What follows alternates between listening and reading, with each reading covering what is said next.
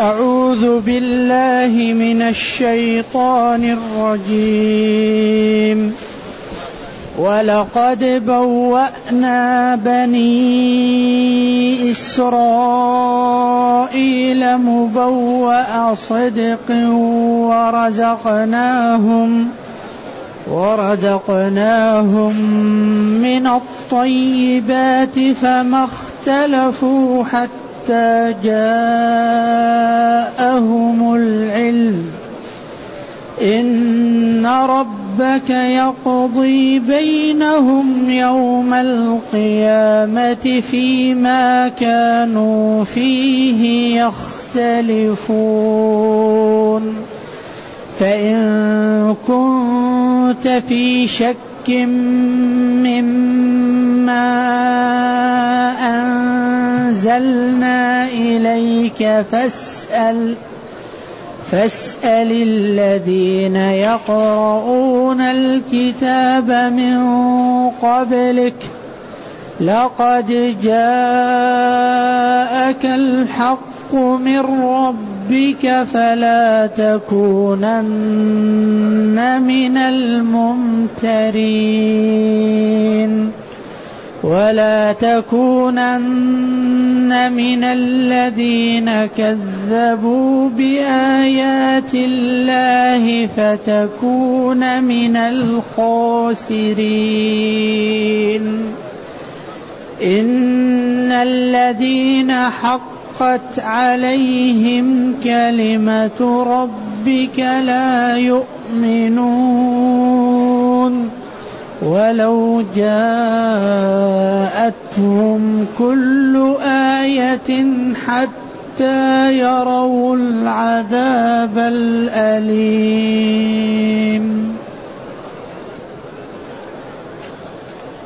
الحمد لله الذي أنزل إلينا أشمل كتاب وأرسل إلينا أفضل الرسل وجعلنا خير أمة أخرجت للناس. فله الحمد وله الشكر على هذه النعم العظيمة والآلاء الجسيمة. والصلاة والسلام على خير خلق الله وعلى آله وأصحابه ومن اهتدى بهداه. أما بعد فإن الله جل وعلا يقول ولقد بوأنا بني إسرائيل مبوأ صدق ولقد. يعني اللام موطئة لتأكيد شيء وقد كذلك بوأنا هيأنا وأعددنا لبني إسرائيل مبوأ صدق.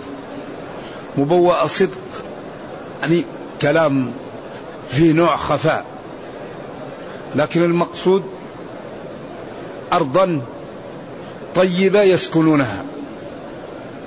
مبوأ صدق أي مكانا حق أنهم يسكنونه وهو مريح وفيه لهم المنافع. هذا هو مبوأ صدق وقد قال بعضهم مصر وقال بعضهم هو فلسطين وقال بعضهم هو الأردن أو هو جميعا. لا يخرج عن الشام ومصر. نعم. وأحسن ما اختاروا أن مبوأ صدق أنه المكان الطيب. نعم. كما قال وورثنا الذين ورثنا القوم الذين كانوا يستضعفون مشارق الأرض ومغاربها. قال هناك وأورثناها بني إسرائيل. فهذا إكراما لهؤلاء. وفي ذلك إزراء على اليهود الذين كانوا بين ظهراني النبي صلى الله عليه وسلم لأن الله تعالى أكرم أسلافهم ونجاهم و وهم يعلمون أن النبي صلى الله عليه وسلم لا يأتي بهذه المعلومات إلا وهو رسول. وكانوا قبل مبعثه يستنصرون به. وكانوا من قبل يستفتحون على الذين كفروا. الاستفتاح هو الحكم والاستنصار. فلما جاءهم ما عرفوا كفروا به. اذا هذا الأسلوب لإعجازه وجماله وحسنه من جهة يدلل على صدق النبي صلى الله عليه وسلم. ومن جهة يخوف كفار قريش. ومن جهة يؤمن إلى يهود المدينة إلى اليهود أنهم كانوا يعني أنعم على أسلافهم وأن هذا لا يأتي به إلا من؟ إلا من كان رسولا. وبالأخص ممن كان لا يقرأ ولا يكتب. وما كنت تتلو من قبله ولا تخطه بيمينك إذا لارتاب الموضوع. وما كنت لديهم إذ يلقون أقلامهم أيهم يكفل مريم؟ وما كنت لديهم يختصموا تلك من أنباء الغيب نوحيها إليك. ما كنت تعلمها أنت ولا قومك من قبل هذا. إذا هذه أدلة وبراهين على صدقه وفيها تخويف لقريش. وتنبيه لهم أنهم ليسوا بأقوى من فرعون وجنده ولا ممن سبق من الكفرة. فإنهم إن تمادوا على ذلك فيوشك أن يحل بهم ما حل بمن قبلهم. وأنت أيضا اطمئن فأنت من أفضل الرسل أفضل الرسل. محمد صلى الله عليه وسلم. وقد نصر الله الرسل التي جاءت قبلك وأيدها فأنت من القافلة ستنصر وستؤيد. نعم فالأمر إليك وكلمات الله لازم تقع. نعم الكبير المتعال ما قال يكون وما أراد يحصل. نعم إذا والله لقد بوأنا لقد هيأنا وأنزلنا بني إسرائيل أيوة. أولاد آه، يعني يعقوب. مكان صدق مكانا مريحا واقعا يسكنونه وهو مصر أو الشام أو فلسطين أو الأردن أو كذلك. ورزقناهم من الطي ورزقناهم من الطيبات. الرزق هو ما يعطى للإنسان. سواء كان حلال أو حرام. ما يرزقه العبد لله هو ويطعمه وينتفع به يقال له الرزق. أيوة. وأكثر ما يطلق الرزق على الحلال. وقد يقول الرزق للحرام من باب التجوز فيه. الطيبات تشمل شيئين المستلذات والحلال. الطيب تقال للحلال وتقال للجميل والرديء والخبيث تقال للحرام وللرديء. إذا الطيب المستلذ المستطاب المستحسن الحلال.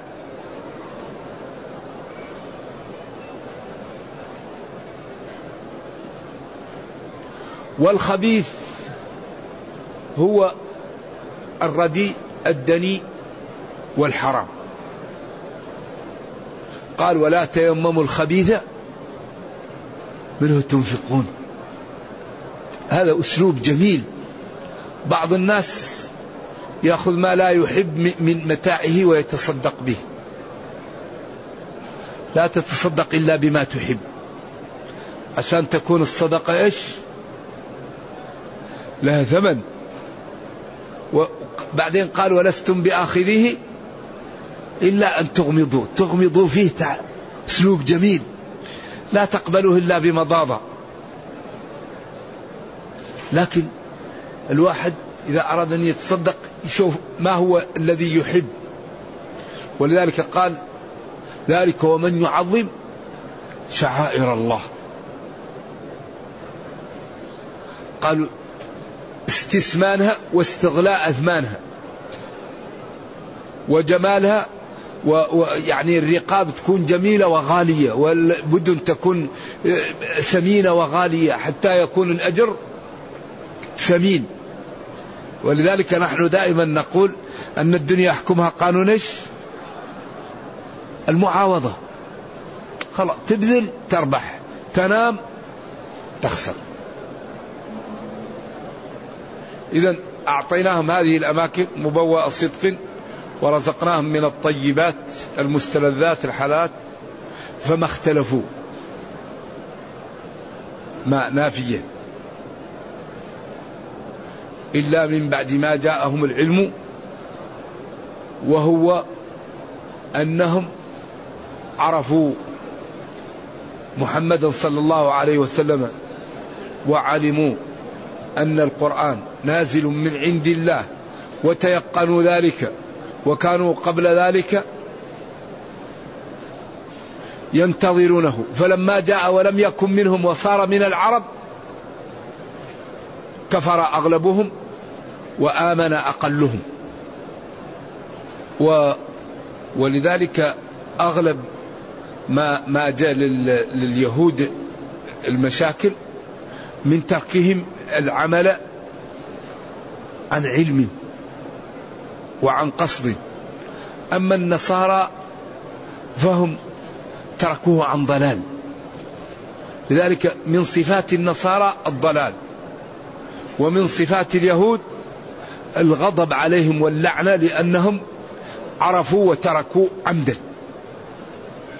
ولذلك قال غير المغضوب عليهم ولا الضالين. ف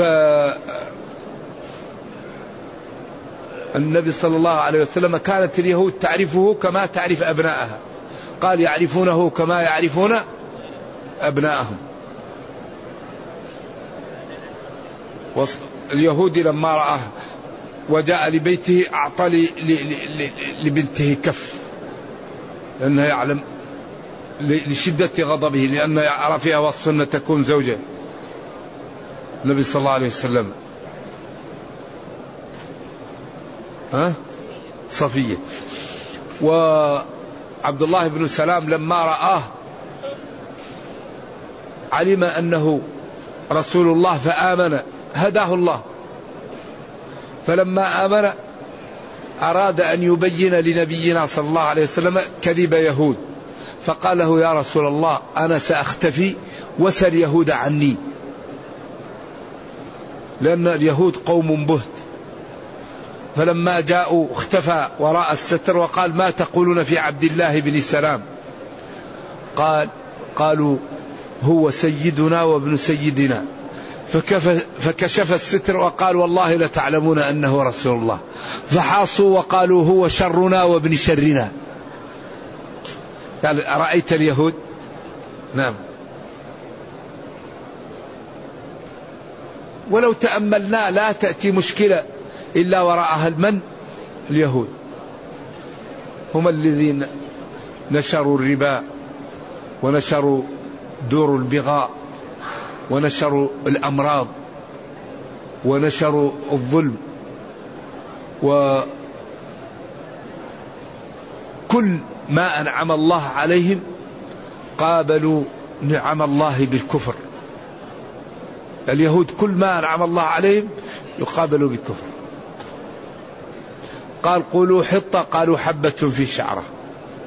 أعطاهم المن والسلوى قال لا نريد البصل والثوم ما نريد المن والسلوى.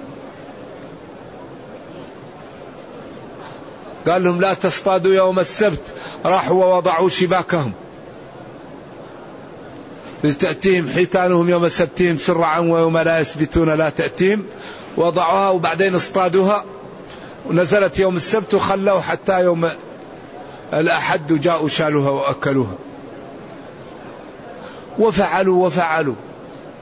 فالله مسخهم قردة وخنازير وقطعهم. قطعهم لا يجتمعون. قال وقطعناهم في الأرض.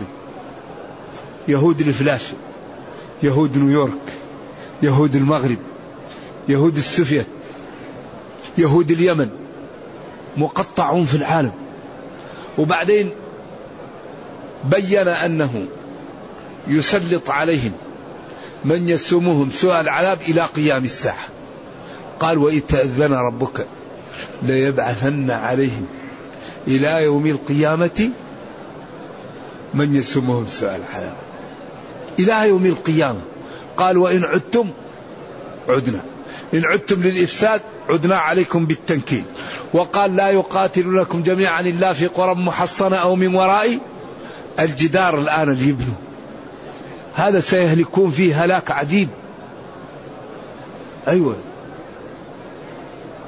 ومع الأسف أن المسلمين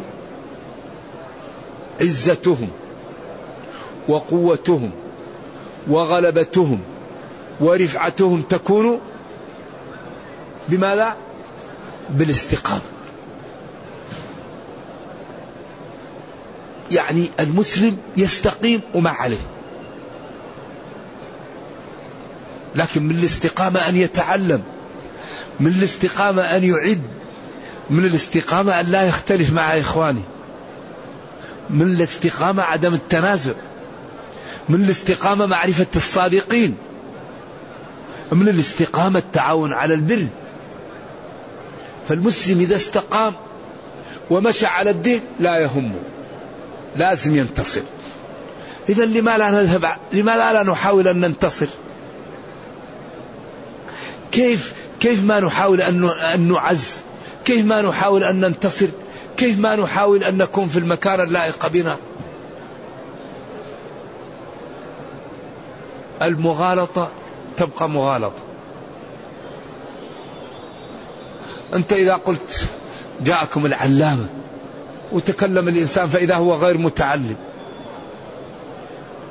لو قلت الواحد عالم ما هو عالم لا يكون عالم. لو قلت الواحد قوي ما هو قوي لا يكون قوي. إذا ينبغي أن نعتني بحقائق الأمور. ينبغي أن نعتني بلب الأشياء ونعتني بأن نكون نعيش واقعنا وأن, وأن نعمل لعزتنا ولديننا. فإن الدعاية لا تنفع إلا من لا يريد أن يشتغل. أما الذي يريد أن يعمل فالدعاية تضيع المشاريع وتقزمها. نعم. واحد يريد أن يدرس قلت العلامة. طيب ما هو علامة؟ هل هذا لا ينفعه؟ بل يكشفه أكثر ويبين عدم علمه. واحد يريد أن أن يبارز ويصارع تقول القوي القوي طيب في الميدان طلع غير قوي. إذا لابد أن نعتني بلب الحقائق.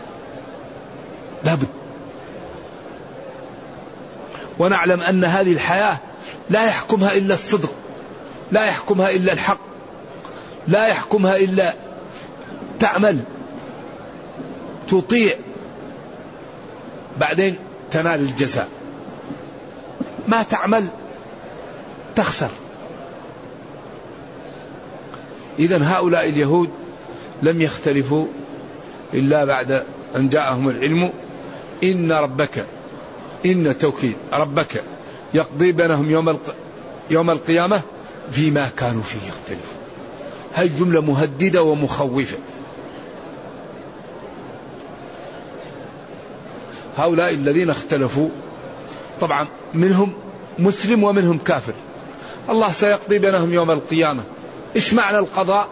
أنه يدخل المتقي الجنة ويجعله في أرفع المنازل ويعاقب الكافر ويجعله في النار. إذا احذروا. إذا امتثلوا. إذا انتبهوا. هذا المقصود. إن ربك يقضي بينهم يوم القيامة فيما كانوا فيه يختلفون. أي إن توكيد ربك هو موجد هذا الكون يقضي يحكم بينهم. يوم القيامة وهو اليوم الذي يكون فيه التمايز والتغابن وهو اليوم المخيف يجعل الولدان شيبا. يوم ما وراءه أبدا إلا الجنة أو النار. خلاص. فريق في الجنة يوم تبيض وجوه نعم. هذا اليوم هو اللي خوف الله به في القرآن كثير. اتقوا يوما. يوم كان مقداره. إن زلزلة الساعة شيء عظيم. يوم يجعل الولدان يوم تذهل كل مرضعة إلى آخره.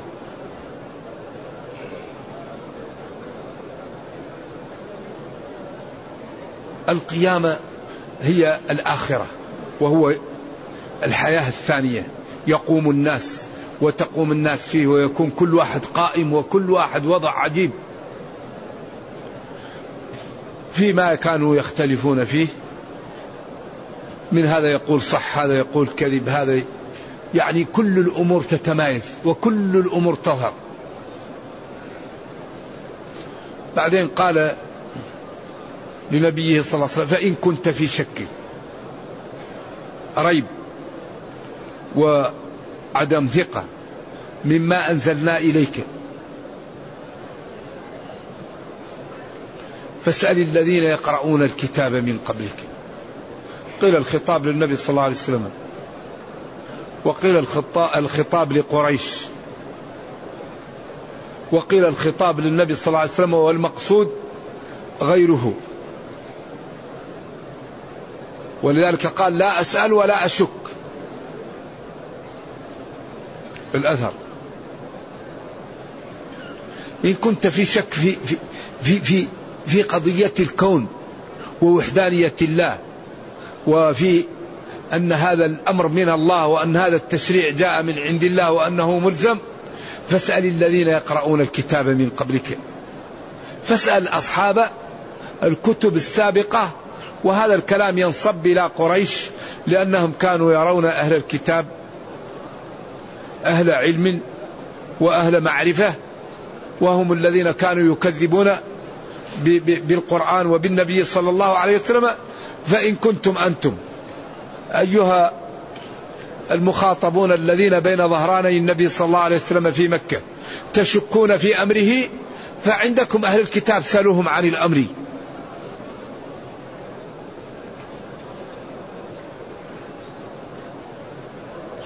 والحقيقة هذا كله آه، من البراهين ومن الأساليب ومن التكرير يراد منه أن الإنسان ينجو بنفسه قبل أن يموت على الكفر. يعني النهاية كل واحد ينتبه لا يموت وهو كافر. وكل واحد ينتبه ويشتغل ويعمل حتى يدخل الجنة. كل الكلام يدور حول هذا. لذلك قال فمن زحزح عن النار وأدخل الجنة فقد فاز.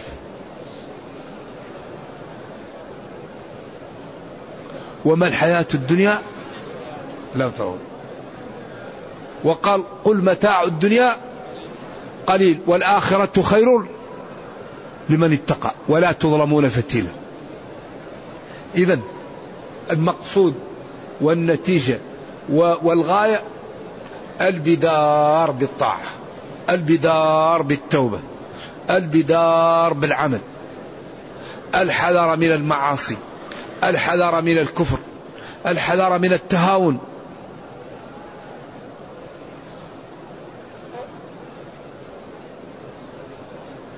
إذا اسأل يا نبي الذين يقرؤون الكتاب الكتب من قبلك.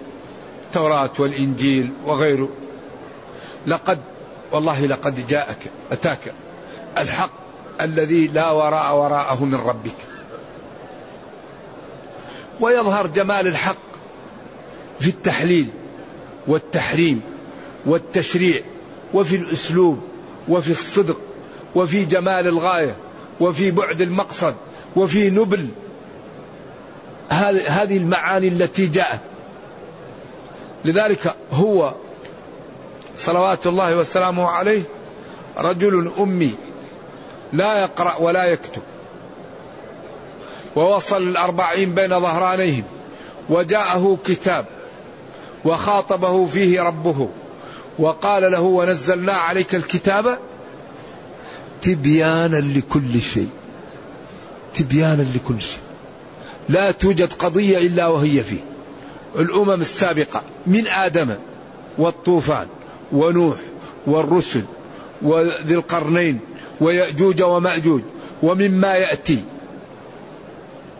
من يوم القيامة وما يقع من الحروب وما يقع كل شيء مبين وما أخبر عن شيء إلا ووجد كما أخبر ويكفيك ما حصل من العلم في هذا الزمن وما فتح من أبواب المعرفة ولا توجد قضية كشفت تخالف هذا القرآن ولا هذا الدين.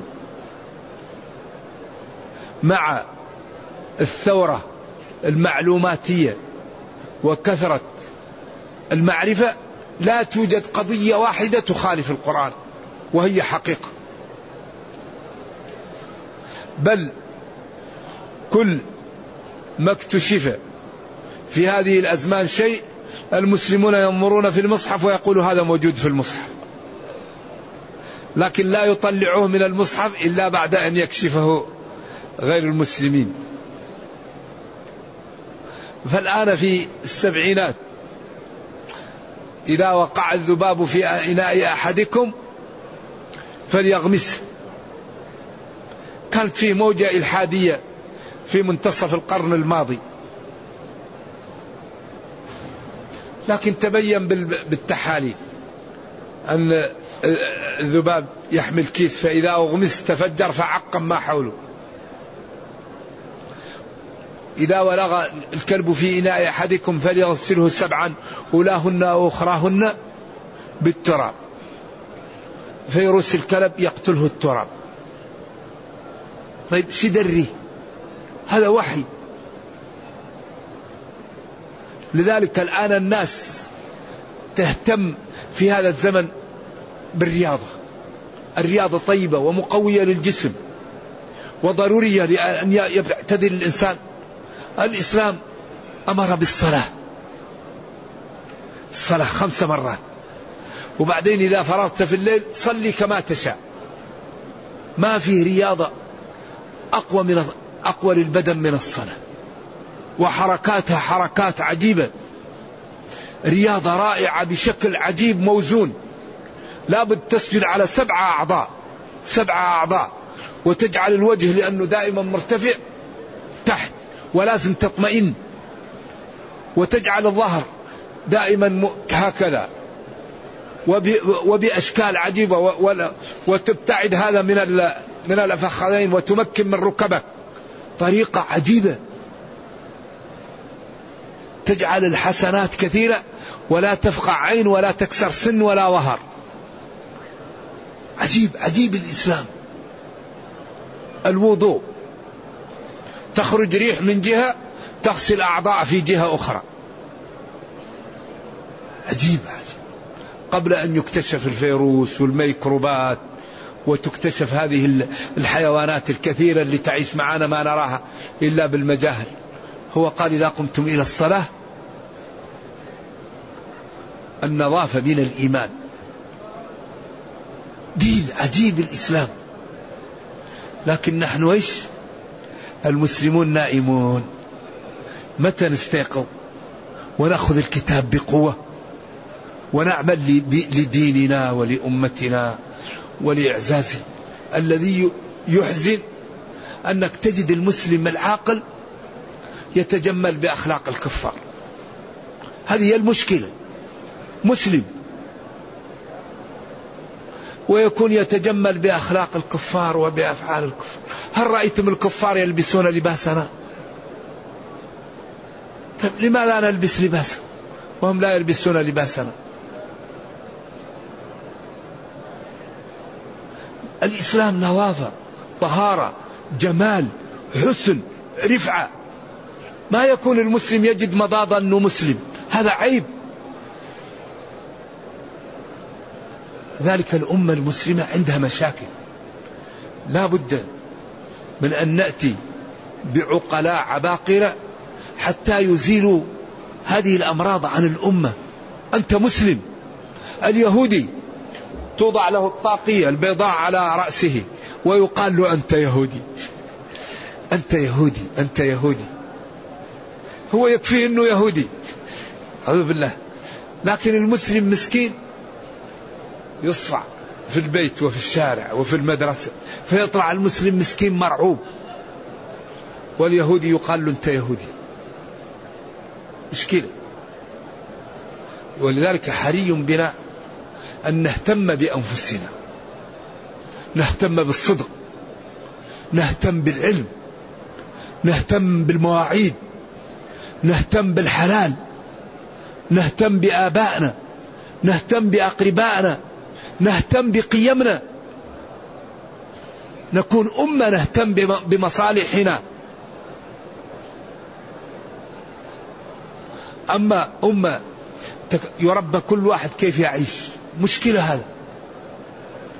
إذا كان الإنسان يفكر كيف يعيش إيش الفرق بينه وبين البهائم؟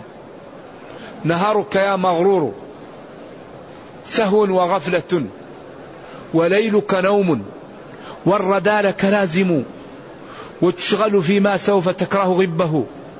كذلك في الدنيا تعيش البهائم. المسلم لا بد أن يترك له بصمات لدينه ولأمته قبل أن يموت. المسلم لا بد أن يفكر كيف نكون آدميا؟ كيف نشتغل لديني ولأمتي؟ أما المسلم يعيش ليعيش. والسيادة لا تنال إلا بالتعب. والفضائل ثمار شجر يسمى علو الهمة. الفضائل لا ينالها من لا تعلو همته. لا يحمل الحقد من تعلو به الرتب ولا ينال العلا من طبعه الغضب. نعم. التي الذي تعلو همته لا يفكر إلا في كيف يؤلف كتاب. يسهل على الأمة العلم. كيف يعمل مصنع يشغل فيه العاطلين من أبناء المسلمين؟ كيف يعمل مستشفى يعالج فيه الفقراء من المسلمين؟ كيف يكون عنده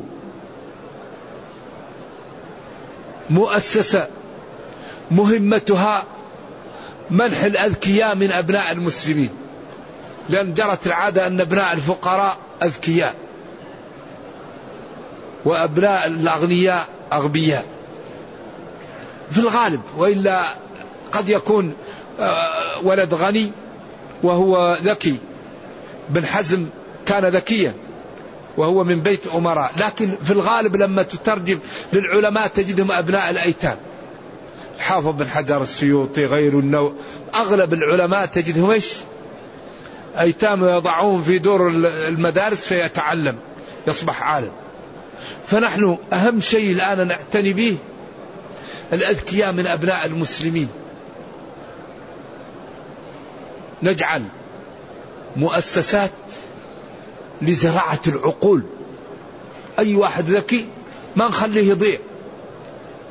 خليه يتخصص تخصص نادر ويسد للأمة هذا الباب. لكن الأمة المسلمة لا تزهد في شيء مثل العقول. وعندها موهبة في تضييع الفرص.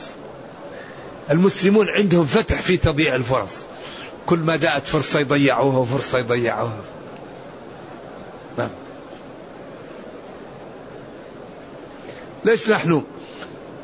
نحن نريد أهم شيء أن نهتم بالعقول. نهتم بتطبيق النظام. نهتم بالإبداع نهتم بالاستقامة لأن الاستقامة هي اللي تأتي بكل هذه الأشياء. فاستقم كما أمرت.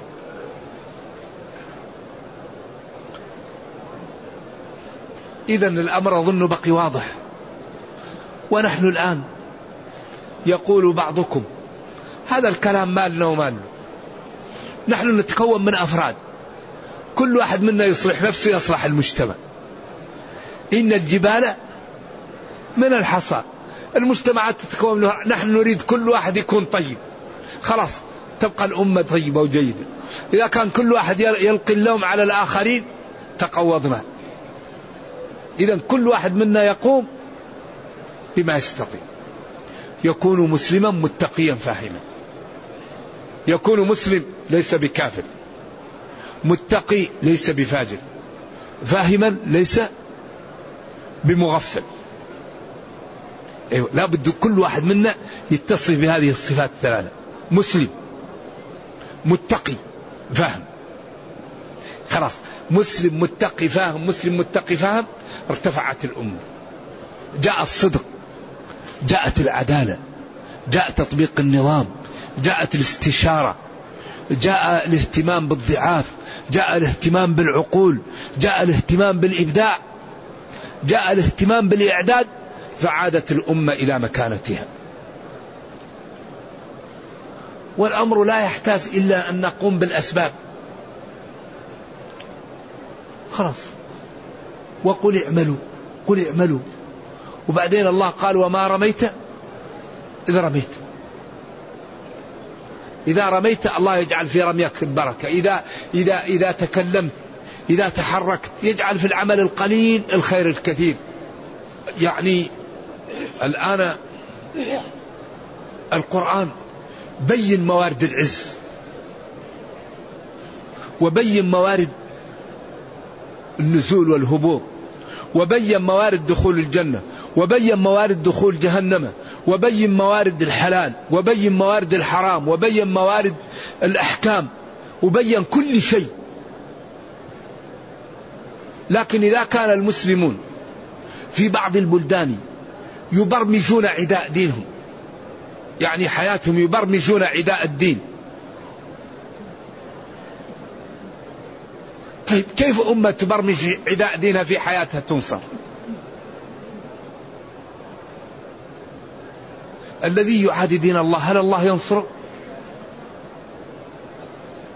إذا نحن في حاجة ماسة إلى أن العقلاء يعرفون بعضا إلى أن الأتقياء يعرفون بعضا إلى أن أصحاب الإمكانيات يعرفون بعضا ويتعاونوا على البر والتقوى. شوف كونوا مع الصادقين. كونوا مع الصادقين. تعاونوا على البر والتقوى. شوف كونوا كيف نكون مع الصادقين إذا لم أعرفهم أول شيء نعرف الصادقين وبعدين نتعاون. ولذلك مما ينبغي أن يشاع بين المسلمين هو التكافل. بعض المسلمين عنده المال بعض المسلمين عنده الأرض بعض المسلمين عنده إيش؟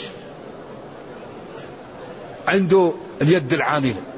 نأخذ أموال هؤلاء واليد من هؤلاء والأرض من هؤلاء ونتعاون ونغني العالم الإسلامي ما الذي يمنع أرض السودان وسواعد مصر وأموال الخليج ونغني العالم الإسلامي كله؟ لا بد أن يكون بين المسلمين تعاون وتعاونوا على البر تعاونوا. فإذا تعاون المسلمون أصبحوا قوة. شوف الآن ألمانيا وفرنسا.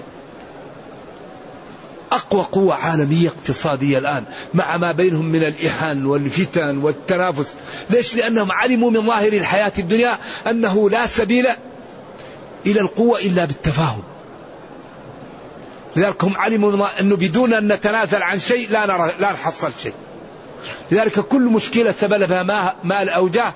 أنت تتنازل عن شيء من مالك وشيء من جاهك وتجد بيننا الألفة ونكون أقوى الأمم. لكن تجد المسلم ينظر من المسلم. إذا جيت للمسلم وأخذت بالأحضان يقول هذا الشيء يبقى فيه تقول والله يحييك تفضل معي يقول هذا عنده عنده غرض. مزروعة بين المسلمين النفرة وعدم الثقة. هذه كارثة. المسلم يجب أن يثق في المسلم. لأن نحن نقول والله لا يؤمن أحدكم. إذا المسلم صافي قلبه لأخيه لأنه يعرف أنه لا يريد به إلا خير. إذا من أهم ما نعمل زرع الثقة بين المسلمين. لا بد أن نزرع الثقة بين المسلمين. وإذا استقمنا الله يأتينا بالنصرة الغيبية. الله كبير متعال. أمره إذا أراد شيئا أن يقول له. اليهود قال لهم كونوا قردة. فتغيرت أشكالهم. قال للنار كوني بردا. قال للحجرة للصخرة خرجي ناقة. أمره إذا أراد شيئا أن يقول له. إذا ينبغي أن أن نسير على ما أراد منا. ينبغي أن ننفذ الأوامر. نجتنب النواهي نتأدب بالآداب نتخلق بالأخلاق ونرفق بالناس يا أخي. بأي حق نسكت؟ ويكون العالم المسلمون الإرهابيين المسلمون الإرهابيون والطيبون كلهم ساكتون. أي واحد نقول لا المسلمون ليسوا إرهابيين والإسلام لا يدعو للإرهاب ويحرم حتى قتل الحيوان من غير فائدة. دخلت امرأة النار في هرة. هذا هذا يبيح الإرهاب. من يدخل النار لأجل هرة؟ يبيح الإرهاب وظلم الناس. سبق لحقوق الإنسان وحقوق الحيوان وحقوق كل الناس. إني حرمت الظلم على نفسي فجعلته بينكم فلا توالوا وقال لمعاذ واتقي دعوة المظلوم فإنه ليس بينها حتى الكافر إذا ظلمت دعا عليك يستجاب. الإسلام ما يبيح الظلم و و و ولا يجيز الاعتداء على أحد. وجعل في كل كبد رطبا. أيوة أجر. فنحن لماذا لا نهتم بالمؤسسات ونرد الكذب ونرد آه، الإشاعات التي تشاع والتشويه الذي يقع على ديننا؟ ونكون نحن ضعاف وكأننا فعلا نحن لسنا بإرهابي نحن مسلمون. والدين الإسلامي يطالب أتباعه أن تبقى الإدارات في العالم بيد المسلمين. هذا لا بد الإدارات في العالم يمسكها المسلمون. لكن من شاء فليؤمن لكن شريطة أن تبقى الإدارات في العالم بيد المسلمين لأنهم هم الذين يصدقون وهم الذين يؤمنون الناس وهم الذين يرفعون الظلم وهم الذين يرفعون الاضطهاد وهم الذين يشيعون العدل وهم الذين يسوون بين الناس.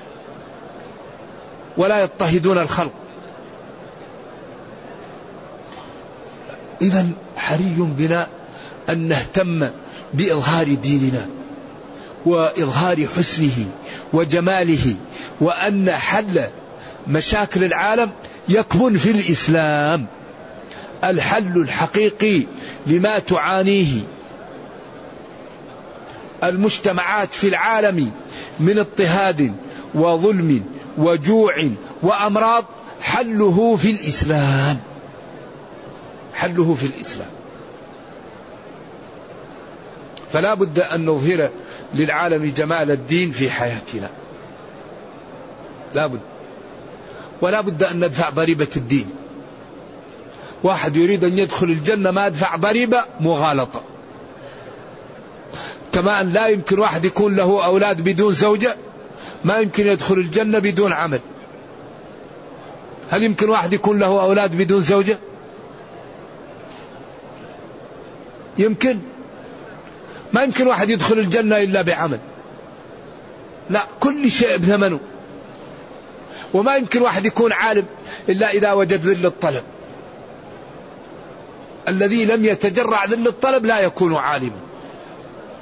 يترك النوم ويترك الأصدقاء ويترك الراحة ويتحمل العطش والجوع والعري والعمل والخدمة والبعد عن الأهل والأحبة والأوطان. بعدين يجد رفعة العلم. ولا يمكن واحد ينال طعم التقاء وهو يحملق في الحرام ويتكلم بالحرام ويأكل حرام ويسمع حرام. لا. ما يمكن ينال التقاء إلا من من كابد الطاعات. كابد البصر لا ينظر إلى الحرام. كابد اللسان لا ينطق بالحرام. كابد القلب لا يفكر في الحرام.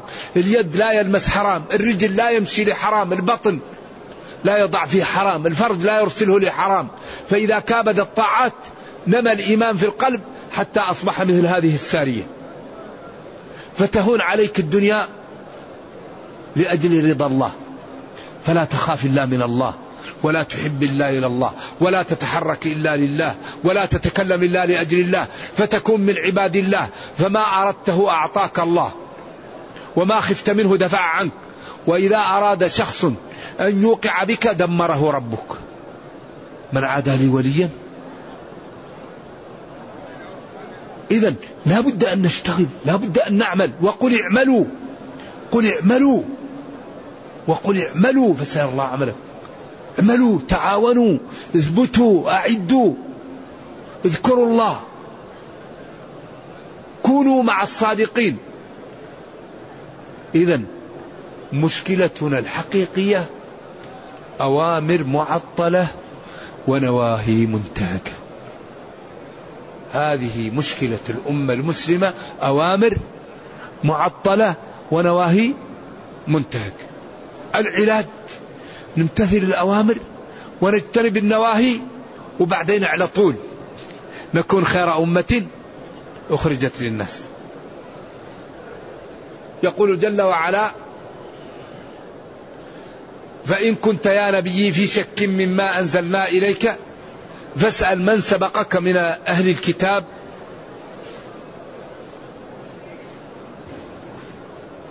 وإذا ناقشتهم وبينت لهم عرفت ذلك والمقصود من كان حول النبي صلى الله عليه وسلم.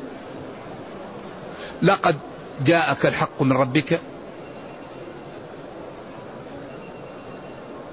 أي الأدلة والبراهين على صدق هذا فلا تكونن من الممترين. إياك يعني واسمعي يا جارة. ولا تكونن من الذين كذبوا بآياتي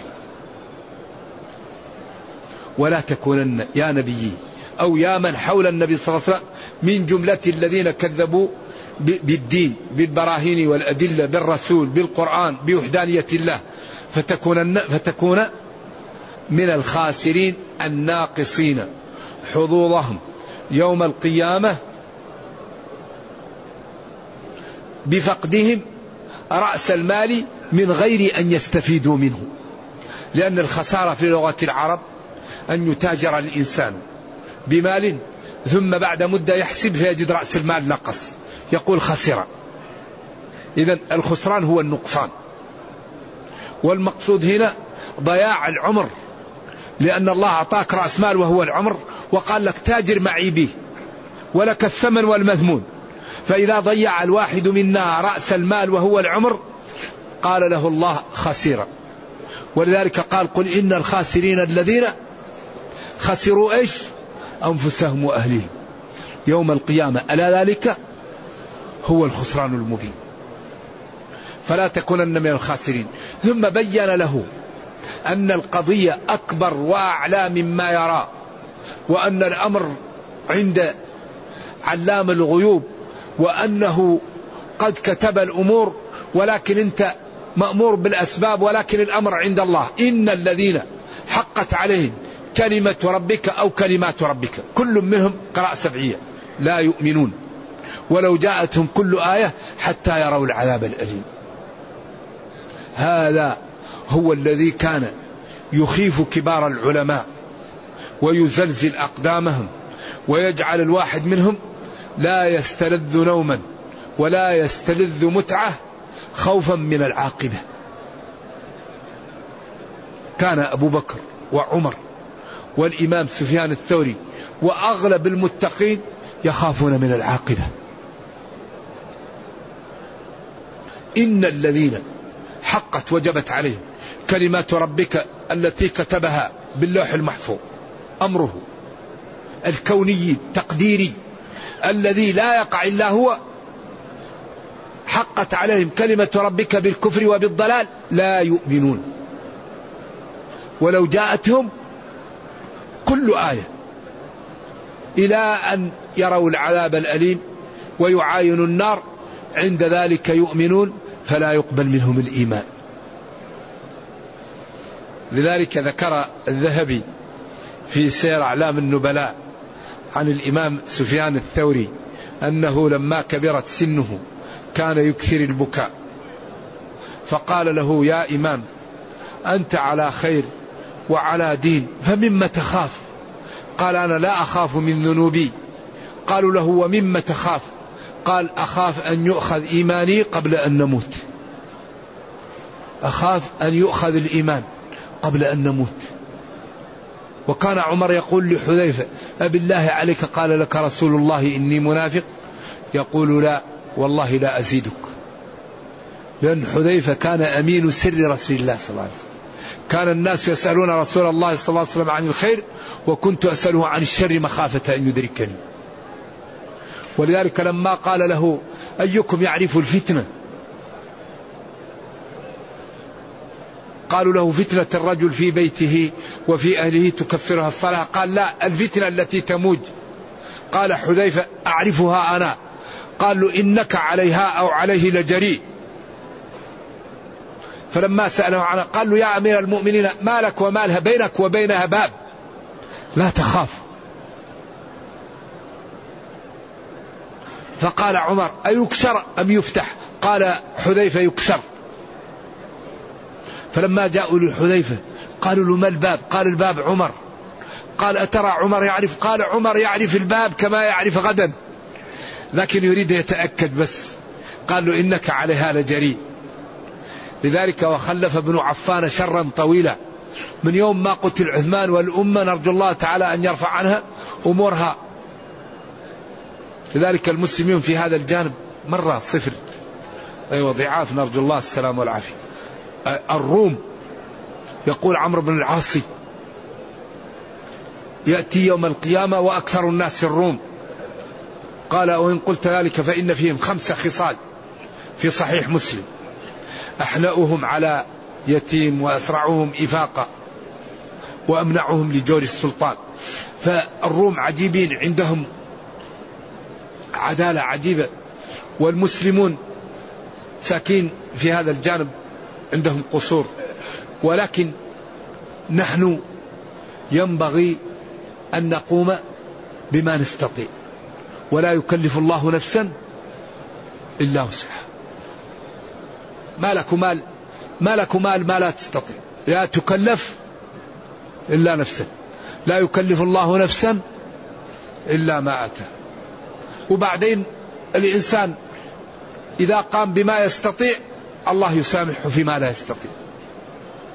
وأهم شيء في هذه الأيام القدوة الحسنة القدوة القدوة القدوة. وما أريد أن أخالفكم إلى ما أنهاكم عنه.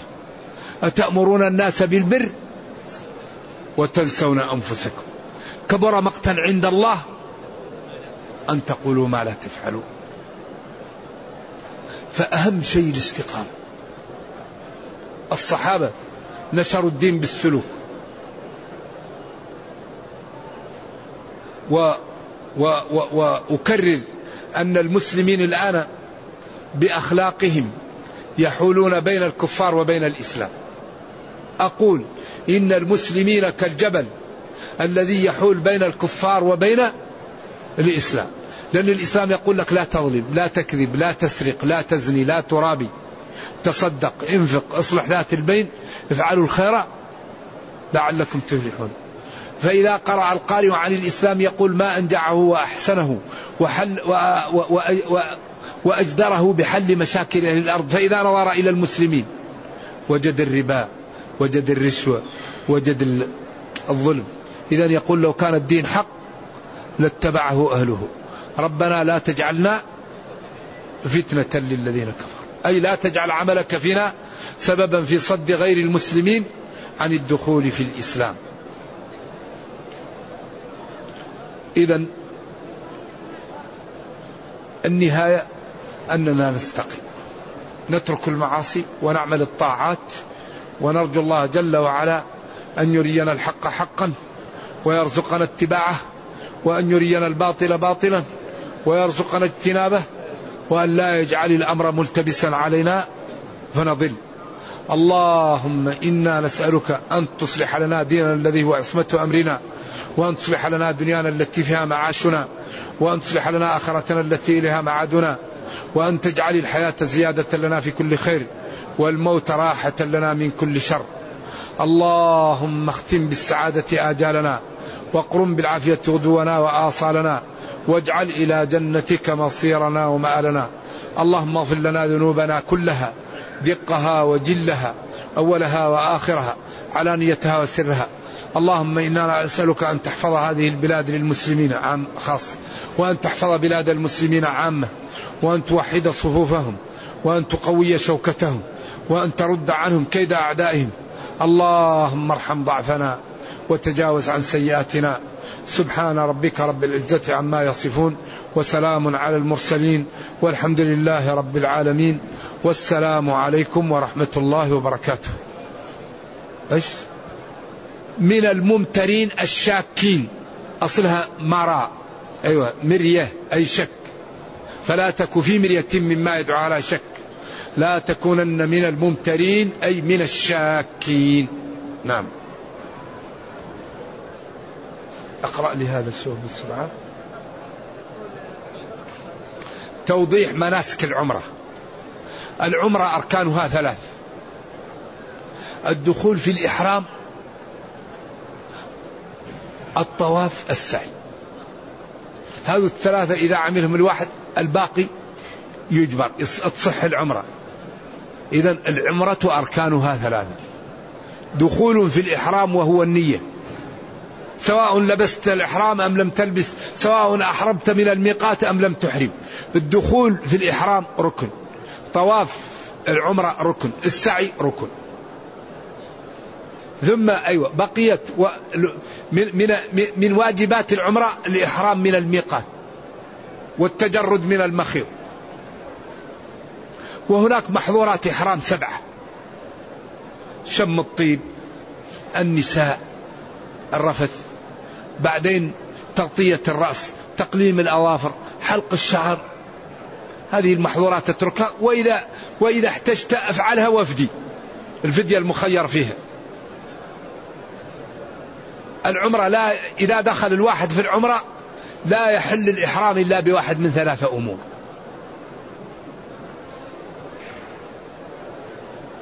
إما بالاشتراط أن تقول لبيك فإن حبسني حابس فمحلي حيث حبستني. هذا عند جلة من العلماء ودليل قوي حديث ضباعة أو تطوف بالبيت أو تحصر بالعدو. هناك جماعة من العلماء قالوا المرض يحصر.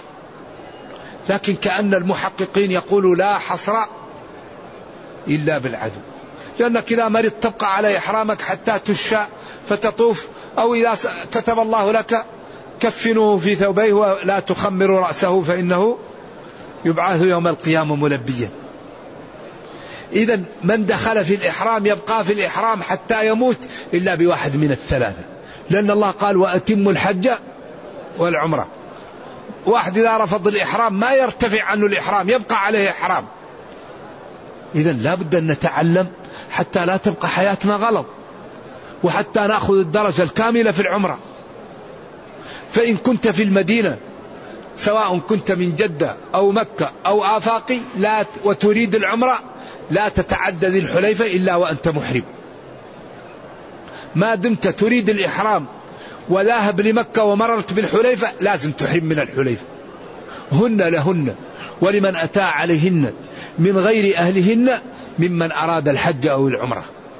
هن أي المواقيت؟ لهن أي أصحابها؟ ولمن أتى عليها على المواقيت من غير أهلها ممن أراد الحج أو العمرة.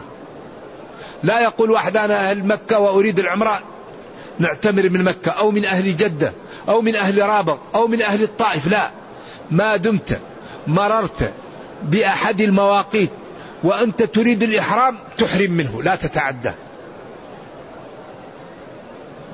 بعض الناس يريد أن يمر بجدة أو يريد حاجة فيقول أنا أمر بجدة وأحرم من جدة لا ألبس الإحرام وأنهي عمرتك أو ألبس الإحرام وأقضي حوائجك من جدة وأنت لابس الإحرام ما يضر.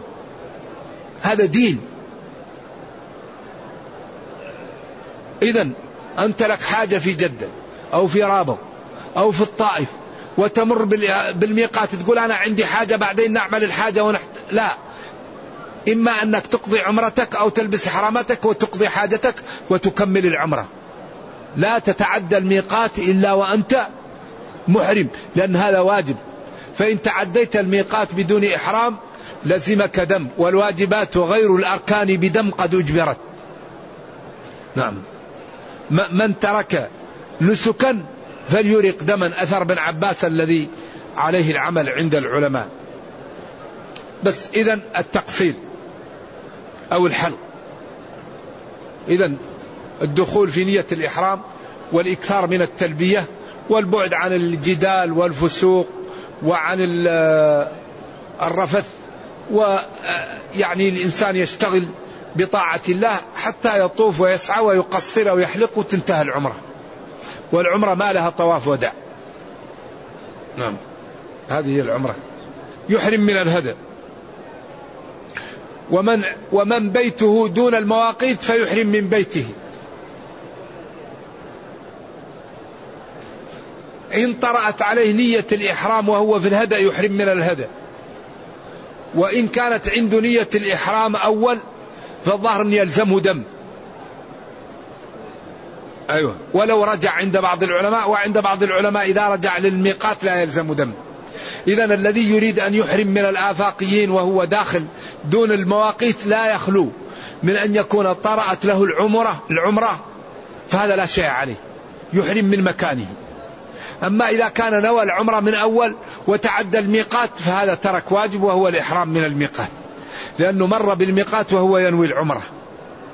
فمن العلماء من قال إذا عاد للميقات لا شيء عليه ومنهم من قال إذا عاد للميقات يرق دما لأنه تعدى الميقات. أيوة وهذا يمكن أحوط. اكتب اكتب السؤال. هل يصح أن يعتمر الواحد إيش هذا؟ هذا السؤال يتكرر. اختلف العلماء بمن في مكة. هل الأفضل له الطواف أو أفضل له أن يأتي بعمرة؟ من هو داخل مكة؟ وجاء واعتمر سواء جاي من برا أو من مكة. هل الأفضل له أن يشتغل بالطواف أو أن يذهب خارج الحل ويأتي بعمرة؟ هذا محل خلاف بين العلماء. منهم من قال هذا يجوز لكن الأفضل لك إيش؟ أن تبقى في مكة ومالك كان يكره أن تكرر العمرة في السنة أكثر من مرة. ولكن محجوج العمرة إلى العمرة كفارة لما بينهما. والنبي صلى الله عليه وسلم أرسل عائشة وأرسل معها أخاها عبد الرحمن وقالوا إنه لم يعتمر ولم يقل لها هذا خاص بك. فدل ذلك على الجواز وبقية الفضلية بين العلماء. والذي يظهر أن الإنسان لو أراد الأفضل أنه يعتمر وإذا أراد أن يعتمر مرة أخرى يأتي للمدينة ويصلي في الحرم ويحرم من الحليفة ويعتمر مرة أخرى يكون هذا تمام. أما أنت في مكة أكثر من الطواف. العمرة للغير تجوز. تجوز لكن كون واحد يعتمر في اليوم ثلاثة مرات أربعة. أو أو بس هذا ما هو معهود هذا ما ما هو واضح. يعني العمل الإسلامي في هذا غير واضح. الصحابة حجوا مع النبي صلى الله عليه وسلم ولم ينقل أن اعتمر منهم إلا من؟ إلا عائشة. فدلت عمرة عائشة على الجواز ودل عدم فعل غيرها على أنه لو كان أفضل لفعله. نعم. إيش؟ هل تصلى نافلة بعد الوتر؟ إن أحب أن يصلي له ذلك لكن لا يوتر مرة أخرى.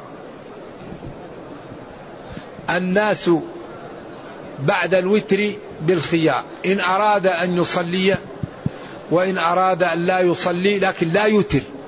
مرة أخرى لا وتران في ليلة. ومن الصحابة من كان يوتر أول الليل ويصلي آخر الليل ومنهم من كان يأخذ بالعزم ولا يوتر إلا في آخر الليل. اجعلوا آخر صلاتكم وترا. وهذا أفضل لكن من يخاف يوتر أول الليل ويصلي والدين يسر. نعم. يكفي هذا أظن؟ ما يكفي؟ إيش هذا؟ عليكم السلام. خلاص. يقول هنا يقول السائل فضيلة الشيخ ما معنى قول الله عز وجل تفسدن في الأرض مرتين ولتعلن علوا كبيرا؟ هذا بنو إسرائيل اليهود والآية أقول فيها الله أعلم لأنهم قيل إن الإفسادين انتهيا. وقيل لم ينتهيا وأنا أقول الله أعلم. نعم.